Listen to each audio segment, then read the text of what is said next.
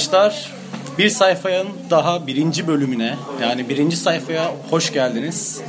Ee, bugün sizlerle çok güzel konulardan bahsedeceğiz ama öncelikle benim önceki açılış konuşmamda şöyle bir şey yaşandı. Elektronik mühendisi olduğumu söylemeyi unutmuşum. Düşünün ki o kadar alakasız bölümüyle. yani hiç elektronik mühendisin ile alakası yok. Verin ampulü yapamaz. Öyle takamaz yani. Evet burada iyi gömdü. Tabii ki öyle bir şey yok. Gebze Teknik Üniversitesi elektronik mühendisliği okuyorum. Çağatay Yılmaz aynı zamanda yanımda kim var? Ozan. Ozan Er Yılmaz. Ya ben Ee, söyledim endüstri mühendisliği mezun olduğumu. Evet arkadaşlar bugün 1 Nisan. Çok güzel bir gün. Yani şaka günü ama bizim bugün şu an buraya gelirken ki yaşadıklarımız olaylar Aslında bizim buraya gelişimizin bile bir hikayesi var ya. Bizim, bizim size paylaşmak istedim. Tabii Evet ilk- Ozan biz şu an neredeyiz? biz şu an aslında yine önemli bir yerdeyiz. 321 Kolektif Kafe diye bir yerdeyiz. Evet arkadaşlar burası YouTuber'ların buluşma mekanı. Yeni açıldı. Biz Ve de podcaster olaraktan bir ziyaret edelim dedik. bir Maçka Beşiktaş'ta güzel bir yer YouTuber kafe diye geçiyor. YouTuber'lar buraya gelip kayıt yapıyorlar ya da e, birbirleriyle muhabbet ediyorlar, sohbet ediyorlar. Biz Buranın- şu an kayıt yapan ilk kişiyiz gibi geliyor. Ben kayıt yapan göremiyorum. Evet ama ortam çok güzel değil mi? Evet insanın için açıyor gerçekten. Ee, Kayıt yapası geliyor. Eğer yapacaksanız gelin. 321'in YouTuber sayfaları yani kanalları nedir, nasıl ve Pokito diye kanalları var. Bunlar hep takip ettiğim kanallardı mesela Nedir kanalı. Üçüncü sezonunu devam ettiriyorlar şu an. E, Maçka'da güzel bir kafe. Çok ortamı çok iyi. Yani Bu ilk yayınımızı burada yapalım dedik. Belki şanslı uğurlu gelir bize. Evet mi? ama neler çok güzel uğurlu geldi. Burada Ozan'a mükemmel bir uğur getirdi kafe. Evet. Ge- Gelmeden önce cüzdanımı kaybettim. Ozan biraz ondan bahsetsene. Ne yaptın mesela bugün beni beklerken? Ya bugün oturmuştuk kafede kahve içerken seni bekliyordum. "Ha, Sen beni aradın geliyorum falan diye. Ondan sonra cüzdan muhabbeti oldu. Geçen ben yine cüzdanımı kaybetmişim. Ondan bahseder miyiz falan derken kapattıktan sonra telefonu cüzdanımın olmadığını fark ettim yine. Şaka gibi yani. Ondan sonra ekrana baktım. işte ekrana dediğim oradaki e, kamera kayıtlarına falan baktım. Ben cüzdanı oraya bile getirmemişim. Pilavcıda bırakmışım. Onlar da bana Facebook'tan ulaşmaya çalışmışlar. Değişik bir yöntem olarak. Tabii bu ilk değil aslında anlatmak istediğimiz... Ve arkadaşımız Facebook'u en ilkel kullananlardan. Evet, yani evet. yok aslında öyle bir şey. evet bana çok yanlış yerden ulaşmaya çalıştılar. Neyse bizim ama esas anlatmak istediğimiz benim önceki kaybediş hikayem. Yani bunun bir de önce kaybetmem vardı. Yani ben sürekli hayatıma böyle küçük sürprizler katıyorum. Önceki kaybetmemde arabadan indi, araba kullanırken biri annemi arıyor. Annem arıyor. Kim arıyor diye soruyorum. Dişçim. Beni dişçim arıyor.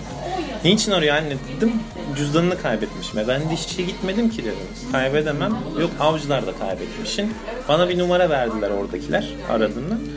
Adam ondan sonra bana dedi ki senin kimliğin var, senin cüzdanın bende. Yok abi diyorum benim cüzdan benim cebimde. Emin bir şekilde Emin cebinde bir şekilde- cüzdanı var Evet yani. emin bir şekilde. Ben çünkü arabaya cüzdanımı bilerek koydum. Oradayım diye düşünüyorum. Meğersem ben arabayı çıkıp e, adam bir de bir süre bana bunu inandırmakla geçirdi.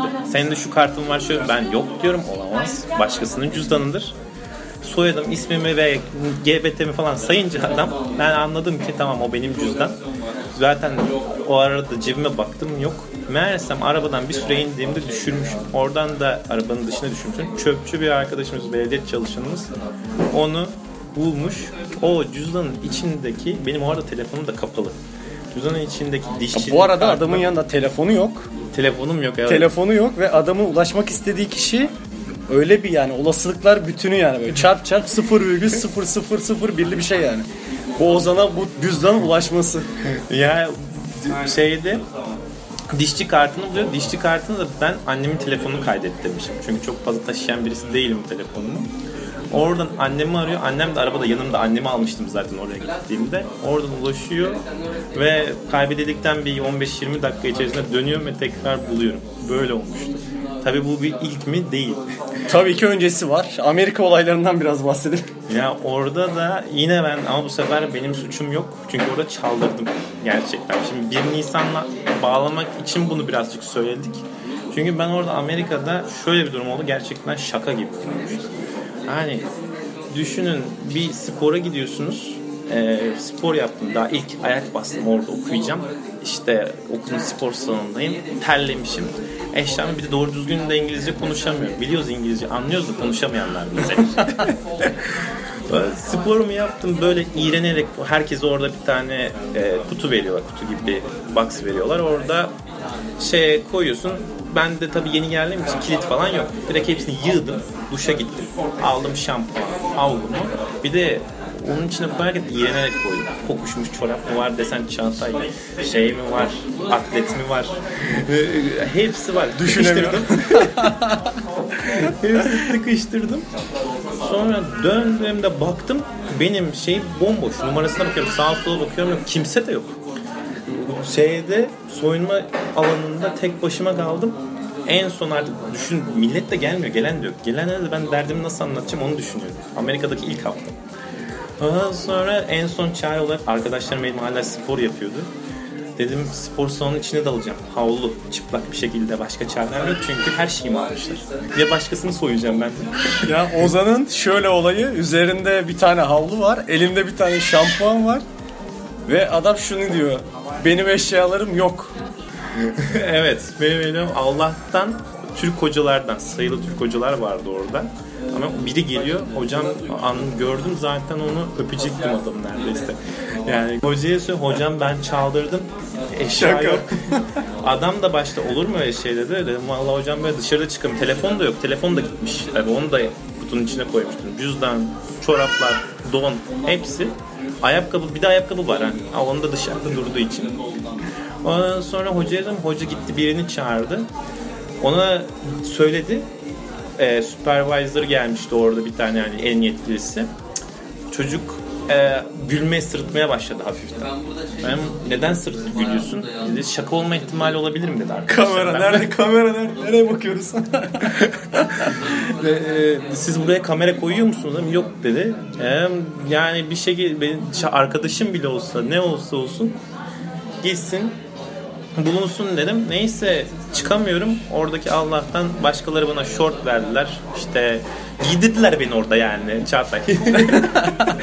beni giydirdiler dışarı çıkardılar. Polise de ifade Ya verdim. durum böyle durum böyle. çok kötü bir durum yani yurt dışında böyle şeyler yakalanma. Ve bu hafta YouTube gündeminden biraz daha bahsedeceğiz sizlere. Ee, YouTube gündeminde ilk önce Raka Bey şarkısı var. Raka Bey şarkısının da aslında çok eski, yeni bir şarkı değil. Ünlü olmasının nedeni Smule diye bir e, müzik uygulaması var.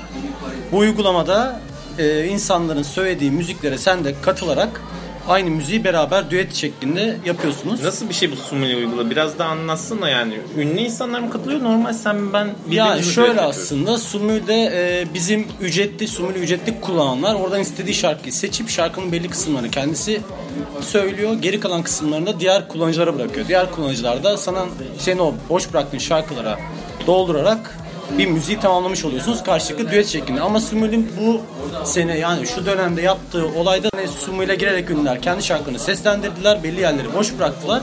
Orayı da diğer kullanıcılar doldurmaya başladı. Yani ben ünlü bir insanla düet yapmış gibi oluyorum. Aynen Mesela öyle Teo, yani. Teoman gidip bir şey paylaşsa orada Sumuli ile aynı anısı. Ben Teoman'a düet yapacağım ben. Yani durum böyleydi. Ee, peki ne oldu? Bu hafta Cizreli Mehmet diye bir e, aslında eskiden de ismini duyduğumuz bir şahıs, şahsiyet ama iyi bir şahsiyet. E, kendisi Rakabey şarkısını seslendirdi. E, şarkıda da şöyle bir şey oluyor. Şarkının İngilizce kısımlarını yine onun kendi sanatçısı seslendiriyor.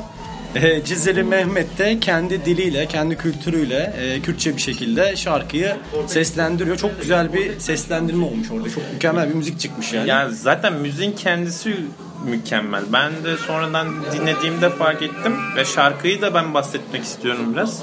O biraz da Cizreli Mehmet'in de şansı olmuş. Rakabay şarkısı 2016'da ilk girdiğinde number one oldu e, Amerika Christmas number one oldu şey İngiltere'deki şeylerinde ve e, bu şarkıda aslında hikayesi sözlerinde daha çok tek başına çocuğunu büyüten annelerin zorluklarını anlatıyor. Aslında bu şarkı duygusal olaraktan ve toplumsal bir e, soruna değindiğinden oldukça önemli bir şarkıydı ve şimdi Türkiye'de farklı bir boyutla önemli oldu. Cizre Evet, Mehmet'le- yani. ya ben bu şarkıyı da çok severdim. Çok anlamlı bulmuştum. Klibi de hatta ödüllüdür.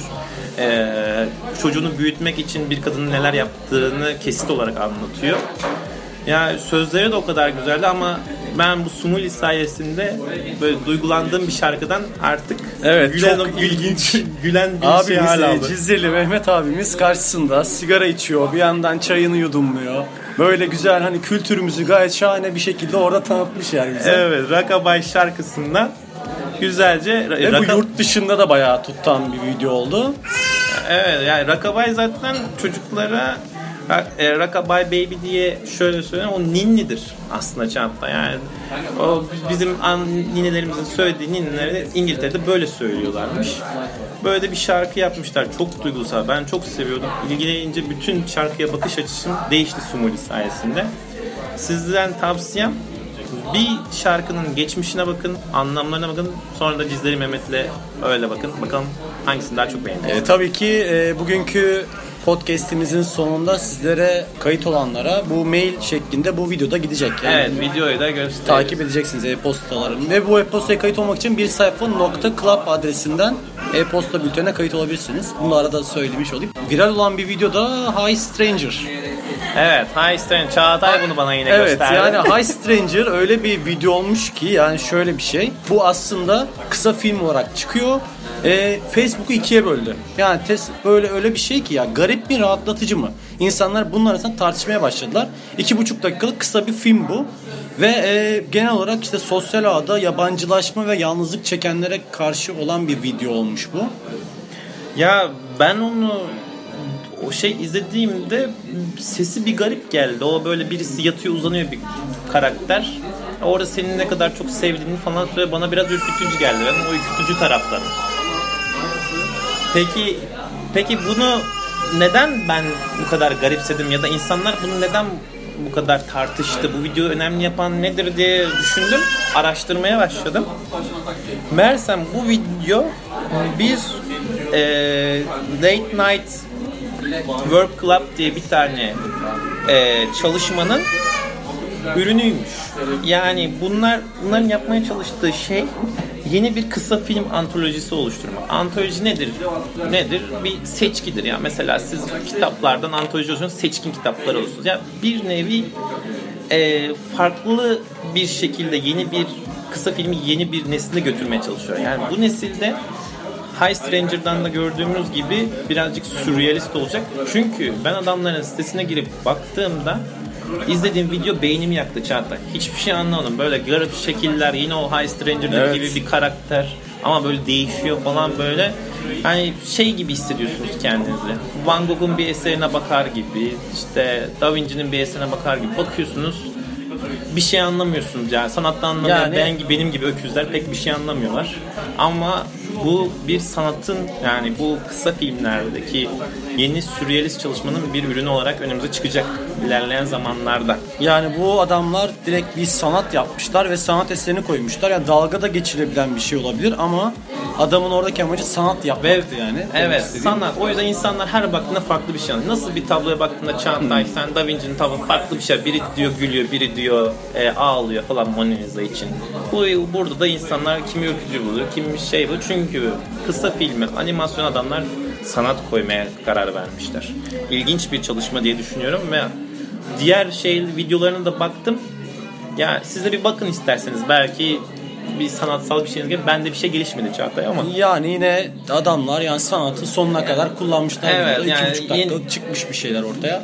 Evet bu High Stranger bu gördüğünüz video en anlaşılır Çağatay onlar arasında. Orada öyle Ya güzel bir- altyazıyı da koymuşlar. En azından bizim Türklere de çok yaratıcı bir şey çıkmış ortaya. Evet yani bu High Stranger gerçekten bak gerçekten söylüyorum en anlaşılır diğer videolar arasında. O yüzden hiçbir şey anlamıyorsun. O Biraz zaman- daha halka ineni bu. Yani insanın artık bu Late Night Club e, work, şey Late Night Work Club şey yapmaya çalışıyor. Yani bir kısa film, animasyon sanat kitlesi oluşturmaya çalışıyor günümüzde. Ben bunu ilginç buluyorum. Ee, aslında şimdi sanatın yeni bir biçiminden daha bahsedebiliriz biz. Bir blog sitesi olan Evet, Medium. sanat oldukça değişiyor. Biraz Medium'dan şöyle bahsedeyim. Medium aslında nasıl çıktı? Twitter'ın uzun versiyonu ve Twitter bunu çıkarttı. Ben de ilk kullanıcılardanım. Yani daha Medium ortaya çıkmadan ben Medium'a başvurmuştum o Aferin zamanlar. sana Çağatay. E, Medium'da çok iyi İngilizce içerikler vardı. Onları takip ediyordum. Ta ki Türkçe içeriklerde gelene kadar. Türkçe içeriklerde aslında çok zenginleştirdi Medium'u. E, Medium geçen günlerde şöyle bir şey çıkarttı. Dedi ki ben dedi abonelik modelini yapacağım. Şimdiye kadar hiçbir şekilde para kazanmıyorlardı. E, şöyle oldu. Bunun için e, Ivan Williams e, size bir mektup yolladı. bana Aynen o gelmedi mektup ama. bana geldi. O Bana zaman gelmedi. gelmedi. Mesela bu nasıl oldu? Niye böyle oluyor Çağatay? Ee, çünkü. Evan şunu demiş. Ben dedi ki özel takipçilerime, özel kullanıcılarıma ilk önce onları açacağım bu 5 dolarlık abonelik sistemini ve ben onları kurucu üye olarak görüyorum. Evet, ama diyor diğer sonradan katılanlar kurucu bir üye değil ama burada doğru mu yapıyor, yanlış mı yapıyor tartışılır da. Ee, önemli olan yani kurucu üyelerini önceden toplayıp onlardan paraları almak ve bu kurucular neleri bir şeyleri test edecek özellikle. ben mesela kendimi dışlanmış hissettim. Ben hayatta Ya bu abone yine- olmam. ya biz zaten o abone olmayız diye düşünüyorum da zaten hani bu teklifi ikimize de sunsa yine olmayız da yani. Beş dolar Bana vermem diyor. şimdi yani. Neyse adam şunu diyor ben diyor sana özel hikayeler vereceğim diyor yeni özellikler katacağım diyor. Aynı zamanda çevrim dışı olarak Medium'daki yazıları okuyabileceksin diyor. E bu Ve- güzel şeyler ya bunlar güzel. Parayı ne yapacaklar Çağatay bunu söyle. Ha para da şöyle olacak. E, ben bu 5 doları bu kurucu üyelerimden toplayacağım. İlk gelirimi komple yayın yazan, içerik üreten insanlara vereceğim diyor. Ama nasıl dağıtacaklar? Hangi kalitede, kime ne kadar dağıtacaklar bunu kimse bilmiyor. Ama ben alamayacağım o Bunu parayı. ileriki zamanlarda göreceğiz. Tabii sen alamayacaksın. Ben de mesela içerik üreticisiyim Medium üzerinde ama ben de alamayacağım büyük ihtimal yani. Abone de aynı zamanda hem 5 doları ben vereceğim hem adam var 5 dolar verecek. O çok saçma olur yani. O sistem. Sana belki daha belki daha fazla da kazanırsın. Aslında yani kim daha çok iş yaparsa o daha çok kazanır. Ee, şöyle diyeyim adamların yaptığı işleri artık nasıl tartacaklar bilmiyoruz. Hani o, Okunmaya göre bakarlar. işte onu şu an kestiremiyoruz. İleriki zamanlarda bu çıkacak. Ee, biz geçen hafta Üsküdar Fikir Sanat'a gittik. Ozan'la oradaydık. Ee, çok güzel bir eğitim aldık orada. Aa, AdWords eğitimi aldık. Ee, ve eğitimin sonunda da orayı gezme fırsatımız oldu. Ya bu Üsküdar Fikir Sanat'ta neler yapıyorlar. Ha, biraz ondan bahsedebiliriz. Sen Evet. şey söyleyebilirsin. Ee, Üsküdar Fikir Sanat'a girdiğimizde e, ilk başta orayı bulmakta biraz zorlandık ya. Ben zorlandım açıkçası. Çünkü metrobüse 5 dakika diyorlardı. 20 dakika yürüdüm metrobüsten indikten sonra. O bana binası Osmanlı'dan kalma binaydı. Gerçekten çok hoş. Restore etmişler. Yani e, ben başta anlamadım. Burada mı etkinlik olacak? Burada bir şey mi yapacaklar? Çünkü bir Osmanlı yalısı gibiydi galiba öyle bir şey. Da tam tarihten çok anlamadığım için bir şey diyemiyorum ama ben gördüğüm şeyden etkilendim. E, orada böyle gir, ilk girdiğinizde bir Osmanlı motifleri tabii ki. Bir de ayrıca odalar buluyorsunuz. İnsanların rahatça çalışabildiği alanlar gördüm, şaşırdım. Hatta bedava kahve de var Çatlak. Orada kahve makinesi koymuşlar, çay makinesi koymuşlar. Yani bunu daha sonra öğrendik ki Mersem girişimciliği desteklemek için. Ee, yine ben Ozan'ı götürdüm oraya. Nasıl denk geldim ondan bahsedeyim. Üsküdar Belediyesi kendi Twitter adresinden bunu duyurmaya başladı. Ve dedi ki bütün girişimler bana gelsin başvuru yapsınlar. Ben onları Kuluçka merkezime alayım. Ve merkezinde öyle bir yerde ki bir e, köşk çok büyük bir köşk. Ve bunun içinde ben size Türkiye'nin en hızlı internetini veriyorum dedi diye bir şey söyledi orada. Ve biz orada çok şaşırdık. 1000 megabit hızında bir internete sahip orası. Ve yani ya biz orada evde yok işte adil kullanım kotasıyla uğraşırken adamlar orada 1000 megabit internetle yani girişimlerini çok iyi bir şekilde seviyeye getirebiliyorlar. iyi bir seviyeye getirebiliyorlar. Eğer ya ben size tavsiyem eğer üniversitenizde teknopark yoksa ya da ulaşımınız imkanınız yoksa atıyorum üniversiteden mezun oldunuz ama yine bir girişimci ekosistemi içerisinde olmak istiyorsanız Üsküdar Belediyesi'nin yapmaya çalıştığı şey oldukça güzel bir şey. Yani destek görülmesi gereken bir şey. Orada mentor da var hatta. Evet mentorlar da var. Hatta ben şunu fark ettim. Ee, biraz araştırdım. İçerideki girişimler çok büyük girişimler de var. Daha ilgincini söyleyeyim. Ee, çok küçük yaşta lise yaşında yani lisede daha okuyan ve girişim orada bir girişimine sahip olan bir çocuk vardı. Onu gördüm ben orada. Ve bunu araştırdım. Ee, Çocuk ya daha küçük yaşta liseden daha başlamış ve Üsküdar Belediyesi onu direkt kabul etmiş. Yani böyle ufak yaştaki belki dinleyicilerimiz vardır liseden de. Onlara da örnek olabilecek bir güzel bir yer Üsküdar Fikir Sanat. Gidip bir görün, deneyin şansınızı. Gidin. Belki sizi de alırlar. Gidin bedava kahve için, bedava çay için. En kötü internetten- eğitimlerine katılın yani en kötü. Evet eğitimleri de var. Onlar da bedava. Eğitimleri de oluyor orada. Gidin orada o Osmanlı atmosferi içerisindeki masalarda oturun. Ben gayet hoşuma gitmişti. Yani Ya belki ilerleyen zamanlarda orada da biz bir yayın yapabiliriz. evet ben, ben tekrar oraya ziyaret etmeyi düşünüyorum. Yani değerli bir şey aklınızda bulunsun. Üsküdar Fikir Sanat. Evet bundan sonra biz biraz da bu hafta izlediğimiz filmlerden, Evet, dizilerden geçelim bahsedelim. biraz girişimdir falandır. YouTube'dur. Güzel şeylere geldik. Ee, ben bu hafta o zaman La Land'i izledim. Ee, La La Land ve şöyle bir şey aslında La La Land'i izledim diyorum ama La La Land aslında önümüzdeki geçen haftalarda çok önemli popülariteye ulaşmış bir film. Neden? Çünkü e, Oscar aday gösterildi ve çok fazla dalda aday gösterildi. Altın Küre'de 7'de 7 yapmış. 7'de Evet. Ve bu ilk. Yani bunların hepsini topladı adamlar. Bu filmin olayı ne? Yani biraz daha şöyleydi film. E, müzikal tadında bir film. E, ismi çok ilginç. La La Land. Biraz Evet. biliyorsan bir şeyler. Ya La La Land'in ya neden La La Land diye düşündüğümde bir kere ben şeyden işkinlenmiştim zaten. Los Angeles'ta geçiyor. Los Angeles'ta e, Los Angeles LA diye söyleniyor. LA LA Land gibi bir anda ona bir çağrışım yapmışlar. Bir de İngilizce'de e, La La Land dediğinde hayal dünyası çağrışımı oluyor. Yani aslında bir o deyimdir. Hem deyim yapmış hem de Los Angeles'ı koymuş. E bu Türkiye'de olsaydı hemen bir espri yapayım. Gaziantep'te olsaydı mesela Gaga Land olacaktı diye düşün. Neyse, kesiyor muyuz bunu? Burası çok kötü oldu. Ama umarım fikri anlamışsınızdır. Yani bence güzel bir ayrıntı ya. Ben insanlar merak eder neden La La Land da, A, evet. Yani o yazar onu bir düşünün ne yapmış.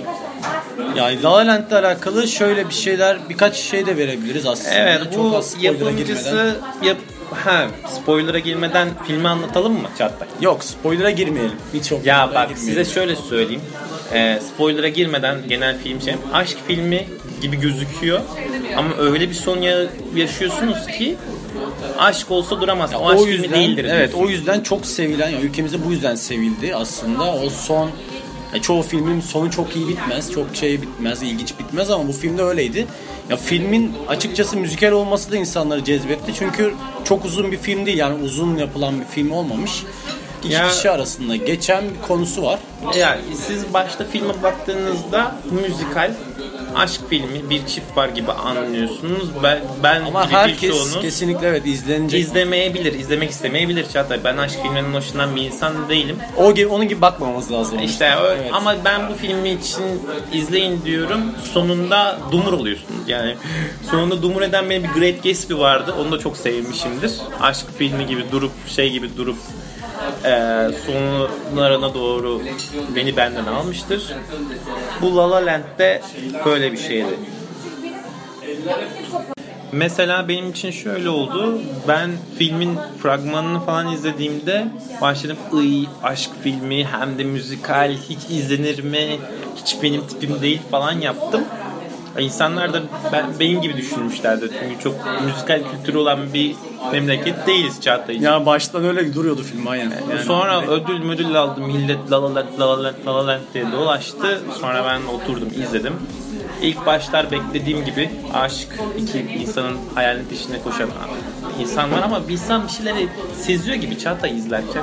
Yani bu insanlar bir şeylerin peşinden koşuyorlar. Aynı zamanda aşıklar sonunda adam bombayı patlatıyor ve size söyleyemiyor. ben buradan hareket yapıyorum tabii görmüyorsun. yani Ama- oha görmeyin ya. ama di- dilimin ucunda, dilimin ucunda yani. evet böyle bir şey oldu. Bir yandan dizide izledik. Bak Westworld'ün ben birinci sezonunu bitirdim şu an ve birinci sezon daha Westworld'un ikinci sezonu başlamadı. Evet biraz da Westworld'den konuşalım. Bence gerçekten o da bir Ee, olaydı Çok yani. büyük olay dizi. Evet ya burada çok konuşuldu. Herkes de izlemek istiyor Westworld'u aslında. Yani Bir yandan böyle aa Westworld mü falan diyorsun. Neden bunu diyorsun? Çünkü bu spoiler değil ya bu filmin bir ana teması yani. İnsanların robotlaşmış versiyonları orada bir hikayenin oyuncusu. Filmin asıl önemli noktası orada bir hikaye yazılmış bir hikayeyi oynayan robotların olması. Yani, yani düşünün adamlar bir batı dünyası kurmuşlar kovboylu ama oradakiler aslında robotlar. Sen de e, sen ben gibi normal insanlar da gidip oradaki robotlarla kovboyculuk yapıyoruz. Bu. Evet yani olay bu. Yani sen parayı verip içeri giriyorsun. içeride bir hikaye yaşıyorsun ama hikayenin nereye gideceğini hiçbir şekilde sonunu dahi bilmiyorsun. Yani şimdi şöyle düşün ben daha önceden böyle bir şey aklıma gelmedi. Bence ilginçliği buradan geliyor. Robotlu çok film izledik, dizi izledik, şey izledik ama yani bunun ticariye dökülmüşü, bu şekilde ticariye dökülmesi benim hiç aklıma gelmezdi. Mesela robotu biz nasıl mıyız? İşimizi halleder. İşte Humans'ı izlemiş misin de bilmiyorum bir dizi vardı. Orada robotlar insanların yaptığı işleri yapıyorlar falan. Ama burada robotlar insanları eğlendirmek için kurulmuş bir dünya yapmışlar ve her robota ne yapmışlar? Bir hikaye koymuşlar. Yani nasıl bir insanın hikayesi var? O robotun da bir Çağatay'ın bir hikayesi var. Ama batılı bir şekilde. Yani kovboy bir hikayesi var. Ya içeride e, belli kurallar bakımın yani insanlar o dünyaya girdiklerinde belli kurallar çerçevesinde orayı yaşıyorlar. Yani o hikayeyi yaşıyorlar. Evet yaşıyor ve insanlar her istediğini yapıyorlar aslında. Evet yani bu Öldürüyorlar, şey yapıyorlar. ya insan gerçek hayatta bunu yapmayan insanlar oraya gidince bir anda değişebiliyor ya da gerçek dünyada yapmadığını orada yapıyor. Evet. Sonra da kişiliği değiştiren insanlar falan var. Ya Bir hem anda evet kötüyken iyi olan, iyiyken kötü olan böyle değişik bir dizi olmuş. Birinci sezon bitti. Kesinlikle tavsiye ederiz yani. Evet ben tavsiye ederim. İlginç olmuş bence izlenilmesi gerekiyor. Ama şöyle bir şey öyle bir bitirdiler ki birinci sezonun içerisinde sanki diziyi bitirdiler. Spoiler vermeden söyleyeyim sanki dizi bitti. Zaten yapımcılar da uzun bir süre biçtiler herhalde değil mi? Bir sene falan Evet. mı var ya? Neden daha iyi yazabilmek için? Ara verdiler. Dediler ki biz bunun ikinci sezonunu biraz daha çalışalım. İnsanlar bizden daha iyi bir şeyler bekliyorlar. Evet ben de bekliyorum şahsen. Yani sefer evet şey açıkçası bekliyoruz yani. Game of Çünkü- Thrones gibi bununla ipini çekiyoruz bir yandan. Game of Thrones'da daha farklı. Game of Thrones'da sen düşünebiliyorsun bir sonraki sezonda şunlar şunlar. Ben şu an Westworld'de gel- bir sonraki sezonda ne olacağını bilmiyorum. Adamlar öyle bir bitirdiler yani. Bu da bu da e, ilginç bitişli bir dizi yani. Sezon bitişli dizi. Bakalım. Yani Game of Thrones'a yarışır mı dersek Game of Thrones artık herkesin takip ettiği bir dizi olmuş ama Westworld öyle değil. Westworld'u yine belli bir kesim izler. Bence siz de izleyin gençler diyorum yani. Ee, o zaman burada bizim programımız bitti. İlk bir sayfa bir Of çok sayfa birin sonuna gelmiş bulunmaktayız. Ay ay. Ee, bu arada ilk başlangıçta bahsettiğimiz sitemiz bir sayfa.xyz şu an açıldı. Ve podcastler burada devam edecek. Aynı zamanda bir sayfa.club adresinden de e-bültene kayıt olabilirsiniz. Ayrıca Çağatay bir şey daha var. iTunes'tan bizi indirebilirsiniz. iTunes'a kayıt olduk ve kabul oldu iTunes'ta. Ee, böyle bir program daha sonuna geldik. 1 Nisan'ın akşamında herkese görüşmek üzere. Görüşürüz. Bir İnşallah dahaki dinleyenlerimiz yayınımıza- vardır.